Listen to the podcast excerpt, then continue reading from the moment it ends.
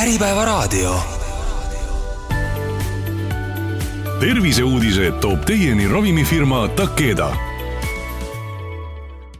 tere! tänases Terviseuudiste saates räägime immuunpuudulikkusest.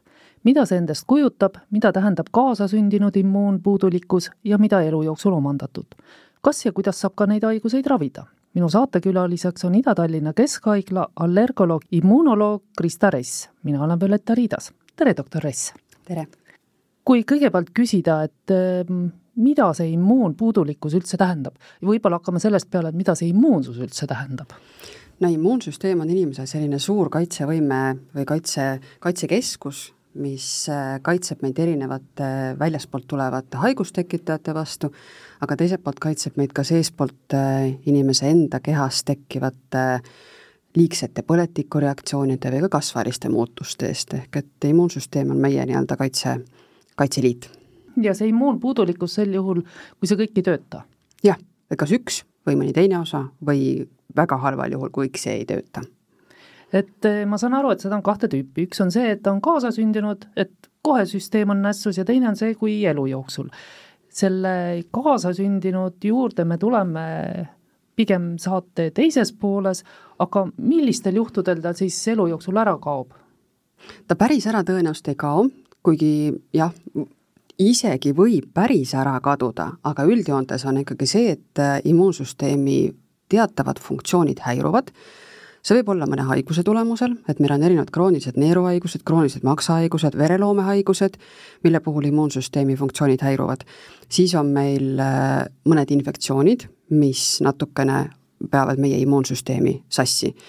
ja, ja kõige tipuks tegelikult äh, on meil ka ravimid, mida me tegelikult kasutame väga paljude haiguste puhul, liigse põletiku või kasvajalise protsessi puhul, ja sel hetkel samamoodi selleks, et immuunsüsteemi liigset reaktsiooni maha keerata, aga mõningatel puhkudel see keerab maha rohkem, kui vaja oleks. ja, ja tegelikult äh, viimasel ajal mängivad rolli ka nii-öelda elukorralduslikud muutused, ehk näiteks alatoitumus võib olla üks põhjusi, miks, miks inimese immuunsüsteem ei tööta päris nii hästi, nagu peaks alatoitumuse all me mõtleme nüüd seda, kui inimene nagu ei söö ja ei saa toitaineid või ta sööb ülearugi, aga ta ei saa nagu vajalikke toitaineid? pigem on see, kui ta ei söö ja sa-, ei saa toitaineid, et väga sageli just, et selline valgu, valgupuudus söögis on see, mis põhjustab immuunsüsteemi häireid, aga ka mõningate toitainete puudus võib lõpuks viia selleni, et immuunsüsteem ei tööta korralikult ja nende inimeste sel juhul see diagnoos on, ma kujutan ette praegu anoreksia või midagi sellist või, või millised need inimesed on, need patsiendid? Neid on erinevaid mõned inimesed on see, et kellel noh, anoreksia korral meil on teadav vaimne tasakaalutus, mis põhjustab meil äh, toitumise häire. aga on ka elukorraldus, kõigil inimestel pole võimalik süüa täisväärtuslikku toitu ja sealt tingituna võib, äh, võib tulla puudujäägid toitumises. Aga võib olla ka selline sättumus, et vot ei söö neid asju ja sellest omakorda võib samamoodi tekkida noh, tasa, tasakaalustatud toidu defitsiit, et mõningad vajalikud, eluks vajalikud ja keha toimimiseks vajalikud grupid jäävad saamata. kas me mõtleme siin all taimetoitlasi näiteks praegu? näiteks võib ka see olla üks, üks põhjusi. -hmm. ja siis eh, samas võivad need olla ka ülekaalulised, kes lihtsalt söövadki väga ühekülgselt? jaa, et, eh, et siin ei pea olema alakaal alati sellega seotud, kuigi väga sageli on, sest see on nii-öelda äh, suuresti just toidu defitsiidist, aga võib olla ka väga ühekülgne äh, toitumine, mille korral siis immuunsüsteemile vajalikud ehitusmaterjalid ja ja, ja, ja sidematerjalid jäävad puudu. Et nüüd mitte väga takerduda sinna taimetoidu teemasse, kuigi seda võiks ju pikalt jätkata, et äh, minu teadmiste kohaselt läheb siiski ütleme ikkagi üks neli-viis aastat aega, ennem kui taimetoitlasel hakkavad need äh, raua ja noh, põhimõtteliselt jah, see rauapuudus ja B kaksteist vitamiini puudus hakkab välja lööma tõsiselt või hakkab see immuunsuse näol siiski varem juba tunda andma?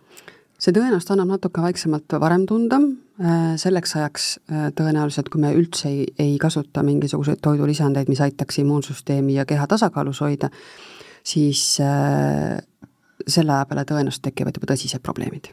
Ühesõnaga, mõte on ikkagi see, et, et kui me jätame mingisugused toidugrupid ära, siis me peame millegiga asendama. just, et, et ei... Äh, loodus on ette nähtud toimima tasakaalus, kui me ühte gruppi ei tarbi, me peame selle grupi jaoks nii-öelda grupist saadavad vajalikud toitained kehale saama kuskilt mujalt, ilma mhm. päriseta ei saa. Lähme nüüd toitumise juurest äh, teiste teemade juurde, et ähm, kui tuua nüüd, tuua ikkagi see kaasasündinud immuunpuudulikkus ka sisse, et kas on kuidagi võimalik tõmmata ka paralleeli näiteks selle diabeediga, et üks esimest tüüpi diabeet on see põhimõtteliselt, mis lapseeas välja lööb, sinna me ei saa midagi teha, teist tüüpi on see, mis on ähm, hea tahtmise korral võimalik endale hankida, vale elustiiliga, vale toitumisega, kas nende immuunpuudulikkuse puhul saab ka kuidagi mingit paralleeli tuua või see on nagu liiga vägivaldne? Ta kõlab pisut vägivaldselt, äh, teatud infektsioonide korral, mõnda infektsiooni põdedes on võimalik endale hankida immuunpuudulikkus, äh, see ei ole üldse mitte kerge haigus, aga üldjoontes äh, need, ta pigem sagedamini tuleb just selliste vereloome haigustega koos, tuleb reumatoloogiliste haigustega koos, tuleb sageli võib-olla neeru- ja, ja maksahaigustest, pigem muud tavalised kroonilised haigused ja väga sageli nende poolt kasutatavad ravimid on need, mis, mis võivad siis seda nii-öelda elu jooksul omandatud immuunpuudulikkust tekitada. aga tüsistuste poolest ei ole ju siin erinevust? kas on nagu ühte tüüpi või teist tüüpi puudulikkus? väga ei ole, infektsiooni risk ja, ja tüsistuste risk on enam-vähem sama. kui äh, sellisele tavalisele inimesele tuleb äh, haigusest tingitud immuunpuudulikkuse puhul ikkagi esimesena meelde HIV ja AIDS, äh, mis oli ju noh, tükk aega oligi inimestel see arvamus, et, et, et see ongi immuunpuudulikkus ja see lõpeb väga kiiresti surmaga, siis äh, kuidas sellega nagu on? et on, on see siis nagu see peamine viirushaigus või, või mil-, milline maailm siin taga tegelikult on üldse? Ta on üks sagedasemaid viirushaigusi, mis, mis võib immuunsüsteemi tasakaalust välja viia. Äh, teiselt poolt me nimetame nii-öelda immuunpuudulikkuseks ju ka neid haigusi, mille korral immuunsüsteemi regulatsioon on tasakaalust väljas, ehk äh, tekib liigne immuunsüsteemi äh, reageerimine. On tavalisemad viirusinfektsioonid, millega me kokku puutuda, aga siis sellisel juhul tavaliselt on ikkagi mingisugune geneetiline muutus inimesel ees. Et kui HIV puhul inimene nakatub ja siis ka eelnevalt igasuguse immuunhäireta, äh, tema haigus kulgeb immuunpuudulikkusena, siis äh, teiste viiruste korral on teatavat nii-öelda eelsoodumust vaja, et, et kulgeks raskelt immuunpuudulikkus nende infektsioonide järgselt. mis infektsioonidest siin juttu on?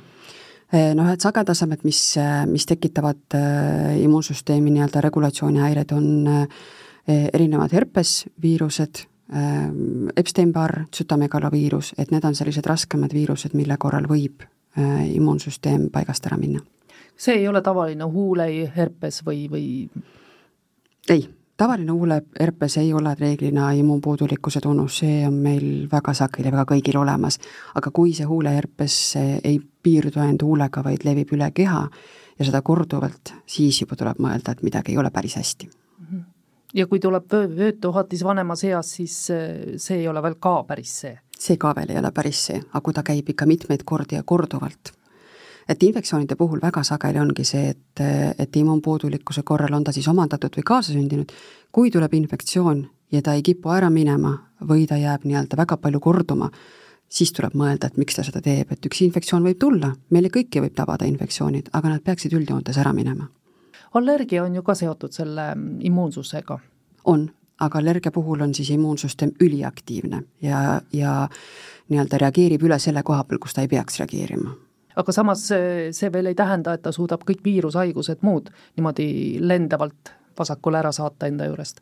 päris mitte, kahjuks on jah, nii-öelda immuunsüsteemi nagu, ta on nagu kaheksa jalaga, kaheksa jalg, kellel on üks haru on ühe jaoks ja teine haru teise jaoks, et kõik see kokku peab toimima ilusti tasakaalus ja, ja sünkroonis, aga see, et kui mul on allergia, see ei päästa mind veel immuunpuudulikkusest kahjuks.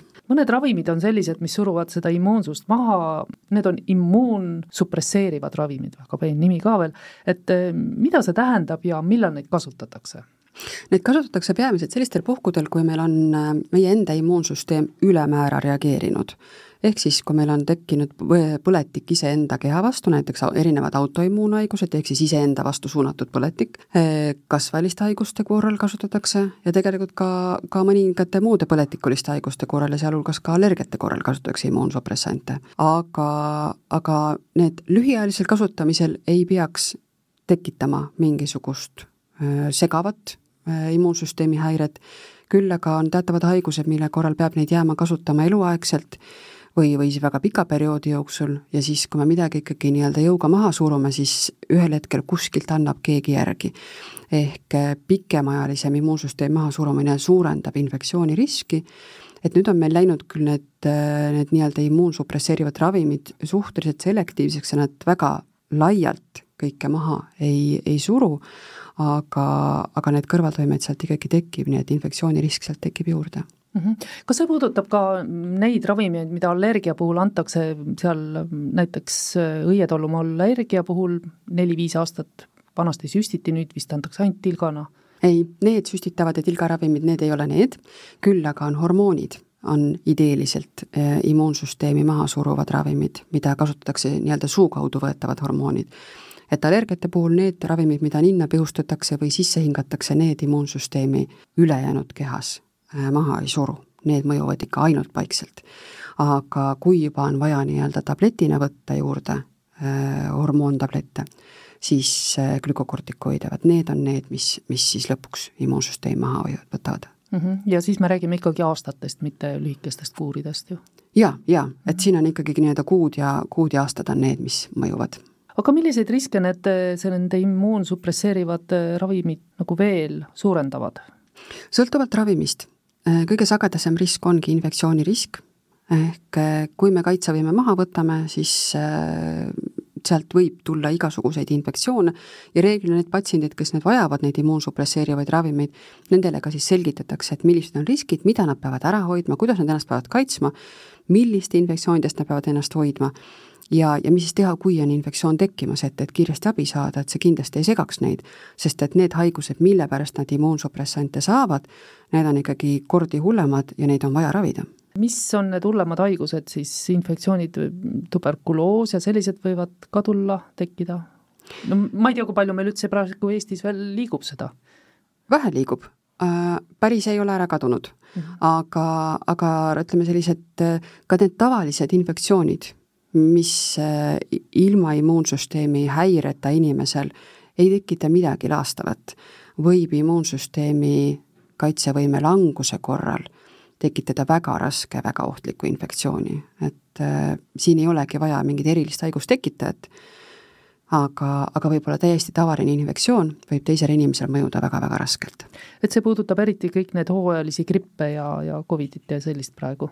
ka need ka need. kas see, see immuunpuudulikkus ähm, võib olla seotud ka miskipidi näiteks vaimse tervisega, et, et inimesel tekib depressioon, on organism vastuvõtlikum, no see on selline natuke nagu selline rahvateadmine, et, et oled väsinud ja, ja paha tuju ja siis oh, kapp takkatipuks jääd haigeks ka ja ülekoormus ja ja tegelikult äh, natukene on seal seotud küll. et kui me nüüd mõtleme selle peale, et äh, ta on kahtepidi seotud, ühelt poolt on need inimesed, kellel on immuunsüsteemi häired, mis iganes põhjusel, no nad siis alla reageerivad või üle reageerivad, nendel inimestel, nendel on suur stress ja see tekitab nii-öelda vaimse tervise häireid. teiselt poolt inimesed, kellel immuunsüsteemi häireid mitte mingisuguseid ei ole, aga kellel on pidev krooniline stress, siis pidev stress tegelikult surub immuunsüsteemi kaitsevõimet maha. ehk et kui me äkitse millegi peale erutume ja meil on äge stress, lähme naabriga tülli, auto pidi peaaegu otsa sõitma, siis see mobiliseerib meie immuunsüsteemi. aga kui me iga päev näiteks peame töötama keskkonnas, mis meile üldse ei, ei meeldi, see on meie jaoks nii-öelda pinget ja, ja, ja halba emotsiooni tekitav, siis krooniline stress äh, surub maha immuunsüsteemi kaitsevõimet küll. nii et äh, tuleb leida endale ikkagi meeldiv elukeskkond äh,, talutavad äh, keskkonnatingimused, et see ei, ei, ei survestaks meie immuunsüsteemi kui võtta nüüd selle saate esimese pooleks äh, lõpuks kokku, et kuidas seda no ühesõnaga, seda elu jooksul tekkida võivat olukorda ennetada, siis mis need äh, võtmesõnad võiksid olla? Äh, elu jooksul tekkivat immuunhäiret ennetada väga sageli ei ole võimalik, aga me saame panustada kõik sellesse, et me elame tervislikult, me hoiame oma päeva- ja unerežiimi paigas, uni on väga vajalik immuunsüsteemi tervisele, me ei, ei muretse ülemäära asjade pärast, mis ei ole meie võimuses ja, ja, ja me toitume nii-öelda piisavalt tasakaalustatult. ja, ja loomulikult mõistlik füüsiline koormus, et need on kõik need stiimulid, mis aitavad keha tasakaalus hoida, sealhulgas ka immuunsüsteemi saate teises pooles räägiks ikkagi sellest, mis on kaasasündinud ja isegi kui sa siis sööd õigesti või magad piisavalt, puhkad, millest me ka kõik rääkisime, kuidas on võimalik äkki natukene ennetada, siis siis kaasasündinud asjadele ei saa ilmselt mitte midagi parata. aga kuidas sellised eh, haigused avalduvad üldse ja, ja mida nüüd lapsevanem näiteks peaks märkama, et, et piltlikult öeldes saan sünnitusmajas lapse kätte ja kohe saan aru, et tal on see või vist ei saa sedasi? reeglina ei saa. tavaliselt äh, immuunsüsteemi häired avalduvad äh, mõne aja möödudes, väga rasketel juhtudel äh,, kus immuunsüsteemis on ikka väga suur küpsemise defekt ja, ja meil ei ole üldse immuunsüsteemi rakke või, ja üldse ei toodeta antikehi, mis meid kaitsevad, siis sellisel juhul juba esimestel elupäevadel on näha, et, et laps on haiglane, tekivad infektsioonid ja need infektsioonid ei kulge nii-öelda tavapärase raskusega, vaid on oluliselt raskemad, aga, aga enamasti arvestades meie ühte koma kolme miljonit populatsiooni, siis äh, meie elanikkonna hulgas kõige ta-, sagedasemad äh, immuunpuudulikkuse vormid on antikeha puudulikkused, ehk siis meil immuunsüsteemi teatavad rakud Äh, nad on kas puudulikud või nad ei tooda antikehi.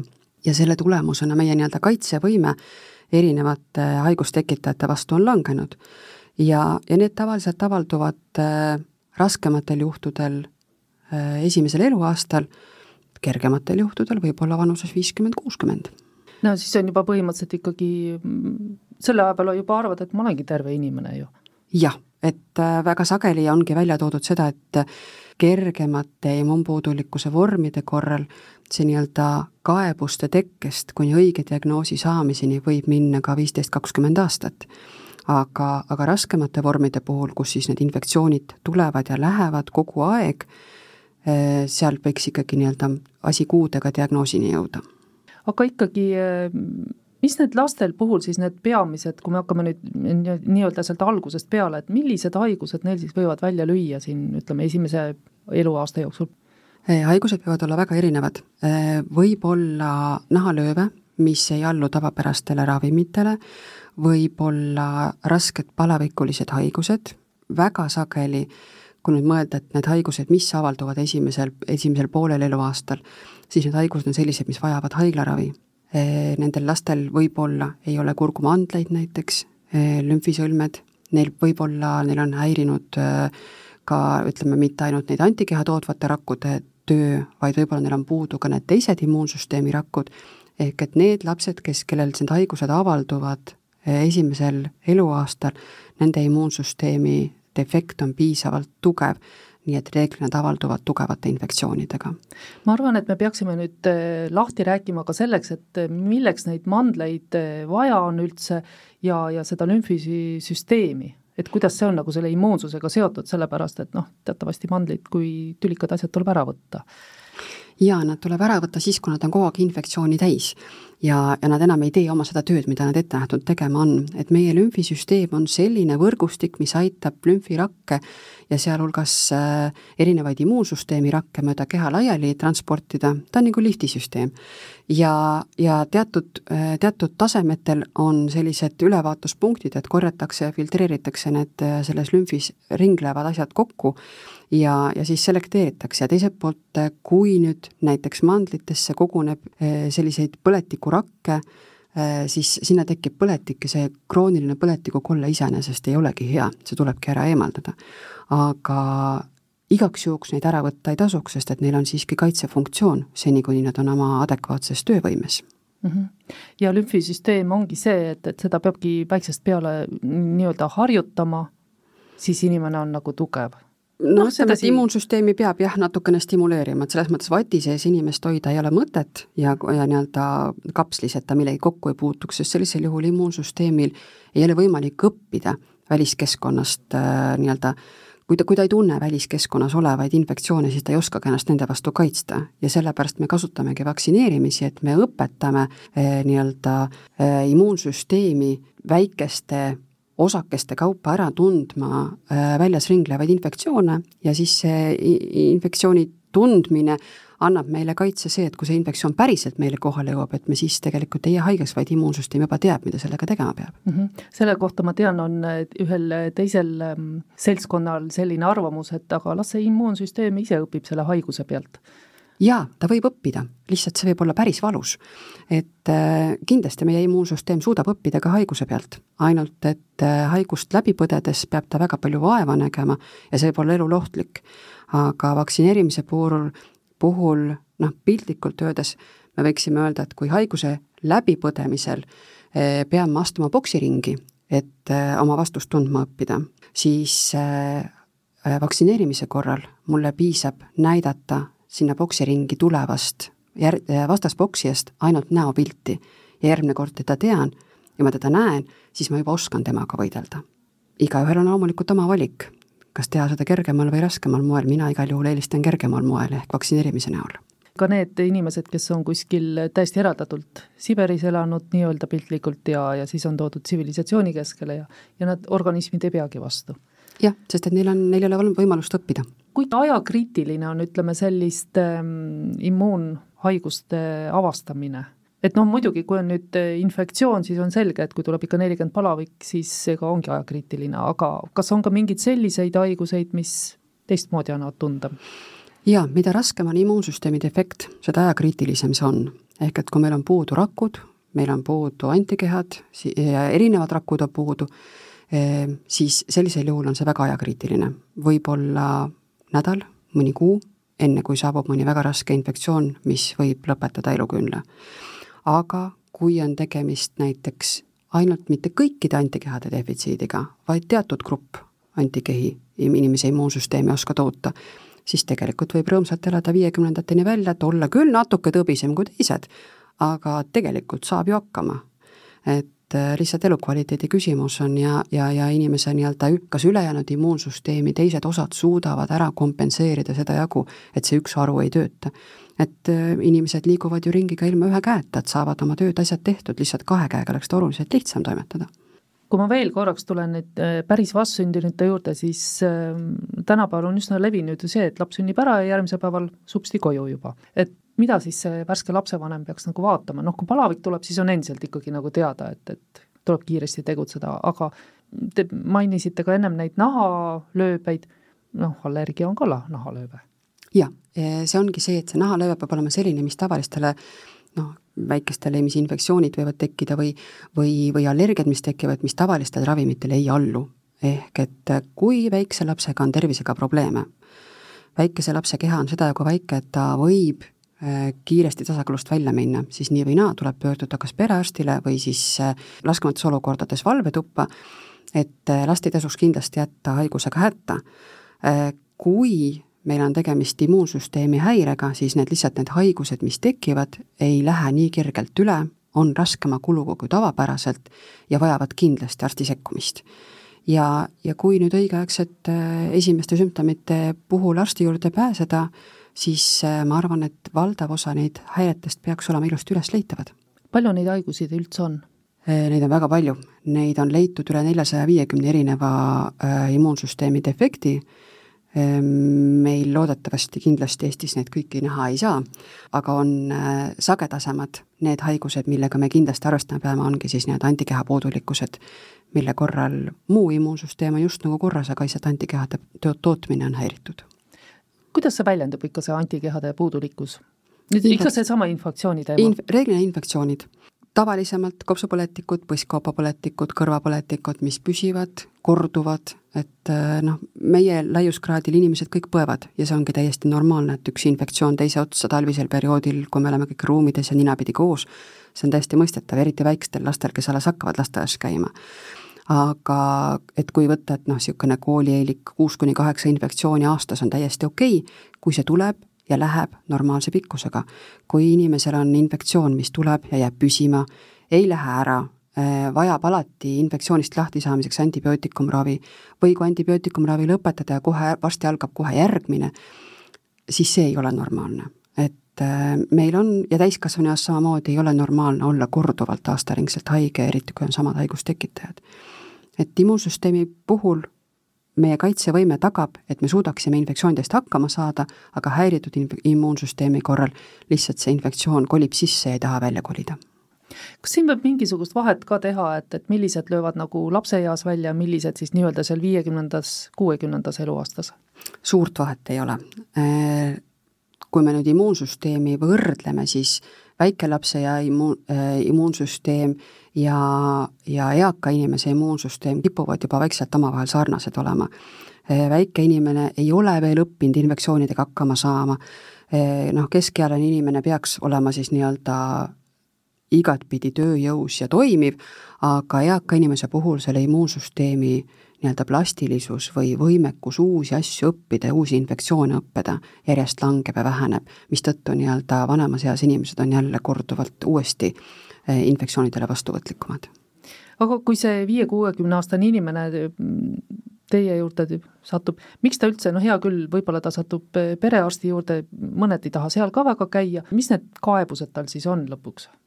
Tavaliselt ongi korduvad kopsupõletikud, korduvad põsskaubapõletikud, mis ei allu ravile või, või, või alluvad ravile, aga nii kui ravi lõpetatakse, tuleb ringiga tagasi Äh, on mingisugused olukorrad, kus meil on ka näiteks äh, rohkelt autoimmuunhaigusi tekkinud, mis viitavad sellele, et immuunsüsteem ei tööta päris omal äh, võimekuse tasemel. millised need autoimmuunhaigused on? Seal on erinevad, võib olla üheaegselt erinevate nii-öelda organsüsteemide häired, et sul on üheaegselt häiritud kilpnääre, on häiritud võib-olla seedetrakt, on tekkinud võib-olla ka liiges, liigeskaebusi Eh, väga sageli võivad inimestel tekkida ka eh, hingamisteedesse kroonilised muutused, kroonilised põletikud, nii et neid võib olla väga palju erinevaid kombinatsioone kui pikk see tee ikkagi on sellistest eh, noh, vanemal inimesel ma arvan, et liigesed, kuidas see oli, et, et hommikul üles ärkad ja kuskilt ei valuta, et siis sa oled ilmselt surnud, on ju. et noh ta läheb sinna perearsti juurde, kõigepealt ta sööb muidugi apteegist paratsetamooli, ibuprofeeni, mis ta kätte saab, ükskord jõuab võib-olla perearsti juurde ka, sõltub inimese iseloomust. kui pikk see teekond on selle diagnoosini? Erinevad kliinilised uuringud on näidanud, et see teekond võib olla kuni kakskümmend või kakskümmend viis aastatki pikk. Äh, viimaste kümne aasta jooksul on see oluliselt vähenenud, et me oleme jõudnud sinna kümme kuni neliteist aastat, paraku noh, meil on veel pikk tee minna aga, aga meie perearstid on juba sedajagu äh, helged, et nad suudavad mõelda ka selle võimaluse peale ehk ja, ja kuna meil on immunoloogid suhteliselt kiiresti kättesaadavad perearsti äh, keskustele, siis Eestis ei tohiks see teekond nii pikk olla. Ja, ja kui inimene kurdab, et tema immuunsüsteem, ta arvab, et tema immuunsüsteem ei tööta korralikult või kui perearst näeb ma nüüd segan vahele, loomulikult, sellepärast et öeldakse, et immuunsüsteemi tuleb tugevdada, parandada, apteegis on täitsa kohe kohvritäis asju selleks olemas jaa, see teeb rahakoti sisse augu küll, aga tegelikult ega ta suurt ei aita. et need asjad, mis immuunsüsteemi apteegil, riiulil peaksid parandama, ainukene, mis sealt tõepoolest parandab natukene nii-öelda immuunsüsteemi toimimist, on D-vitamiin. et selle, selle vastu, selle võtmise vastu ma ei saa kohe mitte midagi öelda, et seda peabki võtma meie leiuskraadil. aga kõik need ülejäänud asjad reeglina ei aita. ja kui immuunsüsteemis tõeliselt efekt on, siis äh, kõik need toidulisandid, mida ühes või teises või kolmandas portaalis reklaamitakse ja müüdakse, need ei aita et, et need, mis juba, kus juba tõepoolest immuunsüsteemi rakud või, või antikehad ei tööta, siis seal on vaja ikkagi nii-öelda arstiabi ja ja, ja tõelist sekkumist ravimitega. aga mida see arst siis teeb, lisaks sellele, et noh, esimene asi, ta räägib, kuulab, vaatab, aga mis edasi saab? siis tõenäoliselt hinnatakse põhjalikult immuunsüsteemi toimimist, et vere, vereanalüüside näol me saame hinnata, et millised rakud on olemas, kas rakud on oma normi vahemikus, kuidas inimesed on reageerinud juba läbi põetud infektsioonidele, kas nende antikehad on tekkinud, me saame hinnata nii-öelda tema praegust reageerimisvõimet erinevate meetoditega, ehk et me suudame hinnata suurema, suurema osa või nii-öelda põhiimmuunsüsteemi toimimisosad kõik ilusti ära vereanalüüsist. kui meil jääb kahtlus, et tegemist on juba teatud tüüpi geneetilise häirega, me saame teha ka geenianalüüsid ja kontrollida, et kas seal geenis on juba mingisugune defekt nii-öelda eelnevalt olemas, mis seda kõike põhjustab ja, ja tegelikult, kui inimene ju vastuvõtule tuleb, ta ju tegelikult teab ka, mis ta perekonnas on toimunud, et kas tema peres on ka sarnaseid haigestumisi olnud või hoidku jumal selle eest, on olnud äh, väikese lapse eas või imikueas surmasid infektsiooni tulemusena. et need on sellised markerid või, või näidud, mida me siis saame omavahel kokku kombineerida ja sealt oskame juba hinnata, et kas on tegemist immuunsüsteemi häirega või ei ole. ja kui me näeme, et on midagi puudu, siis osa immuunsüsteemi funktsioonidest me saame äh, ravimitega nii-öelda tasakaalu aidata, äh, mõningatel puhkudel, kui antikehi on puudu, antikehi saab asendada, nii et äh, elukvaliteedi peaks saama normi viia. Mis ravimitega seal te-, tegemist on, ma mõtlen, mis tüüpi, see ei ole ju lihtsalt põletikuvastased ravimid, need on mingid teised ikkagi vist või? seal on erinevad, mõningatel puhkudel, kui immuunsüsteem reageerib eda-, ebaadekvaatselt, ta võib reageerida ka üle immuunpuudulikkuse korral, siis me kasutame immuunsupressante, neid samu, mis muidu võivad tekitada immuunpuudulikkust, aga lihtsalt peabki täpselt teadma, millist lüli millise lüli vastu peab ra-, ravima. ja kasutame ka teatud immuunsüsteemi rakkude lausa väljalülitamist, mis, mis toodaksid iseenda vastu võitlemisel äh, nii-öelda kehale ohtlikke aineid. ja, ja kasutame siis antikehi, mis, kui meil omal antikehi ei toodeta, siis neid antikehi saab asendada ja, ja kehasse tagasi viia, et nii-öelda kaitsevõime oleks tagatud mm,. Kust need antikehad saadakse ja, ja kuidas nad ikka viiakse, et kui nüüd tahaks ette kujutada omale seda asja, sest noh, tabletti ja, ja süsti on nagu lihtne ette kujutada. just, just, et neid antikehi toodetakse siis teiste inimeste vereplasmadest, sealt korjatakse välja puhtad antikehad, eh, kontrollitakse, et nad ei kannaks ühtegi eh, noh, ühtegi haigust lihtsalt lisaks selle antikehadega üle ei tuleks. Ja, ja siis see antikehade selline kontsentraat kantakse siis kas veini kaudu, et veini kaudu tehakse niisugune läbipaistva läbipaistva olluse veeni kandmine või siis, või siis on meil ka uued ravimid, mida me saame ka naha aluselt, et näiteks kõhunaha alla või reianaha alla äh, väikese vahega kord nädalas või kord kuus, sõltuvalt ravimist, äh, neid antikehi kanda ja kaua nad siis toimivad, selle organismis? no ühe antikeha toimimine on tavaliselt kuskil kakskümmend üks kuni kakskümmend kaheksa päeva mm.. ehk et siis ongi see, et sõltuvalt sellest, et kui veeni kantakse, siis reeglina kolme-nelja nädala tagant uuesti ja, ja nahaalused äh, kandmised, et seda nii-öelda tasa, taset või nivood hoida, on siis sõltuvalt preparaadist, mõni on kord nädalas ja mõni on kord kolme-nelja nädala tagant mm. -hmm, et nad ise ei suuda hakata tootma uusi antikehi, et ei. seda rõõmu ei ole? jaa, ei, kui kehas on ikkagi defekt et nii-öelda on kodeeritud sisse, et ei oska, siis ei oska mm. -hmm. ja see ravi on sel juhul ju eluaegne? siis on eluaegne, just. palju teil on selliseid patsiente praegu? no meie kliinikus liigub neid äh, praegu üle kuuekümne, kes, äh, kes regulaarselt vajavad äh, kõrvalist abi meie poolt, lisaks on teatud grupp antikeha puudulikke või immuunsüsteem puudulikke, kes ei pea saama antikehade ülekannet, kellel on nii-öelda muudes immuunsüsteemi harudeste äh, häire.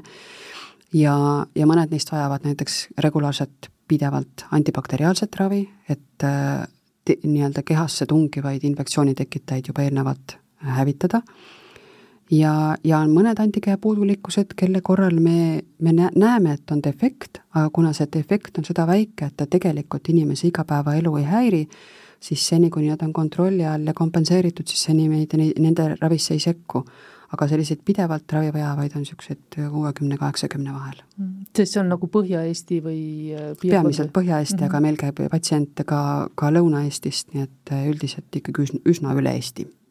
kuidas nad elavad, kui neil on see ravi olemas? no tsiteerides ühte oma patsienti, kes nii armsasti ütles, et, äh, et enne, kui ta hakkas meie antikeha ravi saama meie juures, siis et enne asendusravi oli ta kõige haigem inimene peres nüüd on ta kõige tervem inimene peres, sest tema lapsed käivad lasteaias ja, ja lapsed on pidevalt haiged, aga ainukene, kes terve on, on siis tema, sest et ta on äh, ilusti nii-öelda, tema antikehade tasemed on ilusti kompenseeritud.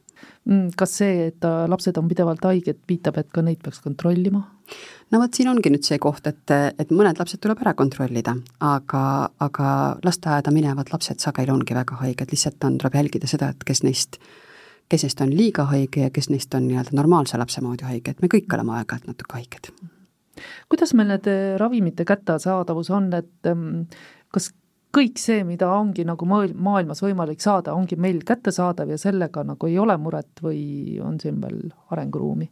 no viimasel paaril aastal on ravimite kättesaadavusega mitte halvasti, vaid lausa väga halvasti olnud selles mõttes, et meil on valik olemas, me saame patsientidele ravi tagada, aga igasuguste ravimite tarned on viimasel ajal väga rasked olnud, nii et me oleme seisnud ka olukorras, kus me loeme päevi ja tunde, millal tuleb järgmine ravimisaadetis, et kas me suudame nendele patsientidele, kes on juba nii-öelda kohe-kohe tulemas, kas meil nende jaoks ravim on olemas. et nende ravimite tarnetega on sellel viimasel paaril aastal väga suuri raskusi olnud. aga üldjoontes meil on olemas võimekus tagada neid ravimeid, mida nad vajavad mõningatel juhtudel jah, kuna on haigusi on väga palju ja väga erinevaid, siis kõike meil kindlasti kohe kättesaadaval ei ole, aga Euroopa ei ole suur, Euroopas on head suhted omavahel, et me saame siis nii-öelda leida patsientidele need ravimid, kui neid on vaja, aga need esmased ravimid, mis, mis peaksid näiteks antikeha puudulikel olemas olema, need võimalused on meil olemas üldjoontes mm. -hmm. et ei ole sellist nii-öelda mm, eraalgatuslikku fondi vaja selleks, et noh, nii nagu on siin äh, onkoloogiliste ravimitega, et seda ju teemat ei ole. jah, meil nende ravimite tagamiseks hetkelt, kui tarned peaksid, siis meil ei oleks probleeme. Mm.. aga kuna tarnetega on üle, üle Euroopa, üle maailma raskusi, siis äh, see ei lähe ka meist kahjuks mööda. On mõningad äh, immuunpuudulikkuse vormid, kus me oleme tõsiselt hädas nii-öelda ka meditsiiniringkondade ja riiklike struktuuride puhul arusaamises sellest, et, et kui on väikesel lapsel raske immuunsüsteemi häire, siis see vajab sekkumist kohe ja vajab sekkumist reeglina väljaspool Eesti, Eesti riigi piire, sellepärast et meie riigis puudub pädevus eh, sellisel puhul näiteks luudi transplantatsiooni teha. aga, aga vot nendes kohtades me jääme aeg-ajalt tugevate seinte taha pidama, aga, aga muud ravimid on meil olemas selline saigi seekordne Terviseuudiste saade. Rääkisime immuunpuudulikkusest ja minu saatekülaliseks oli Ida-Tallinna Keskhaigla allergoloog, immunoloog Krista Ress. Saadet juhtis Violeta Riidas.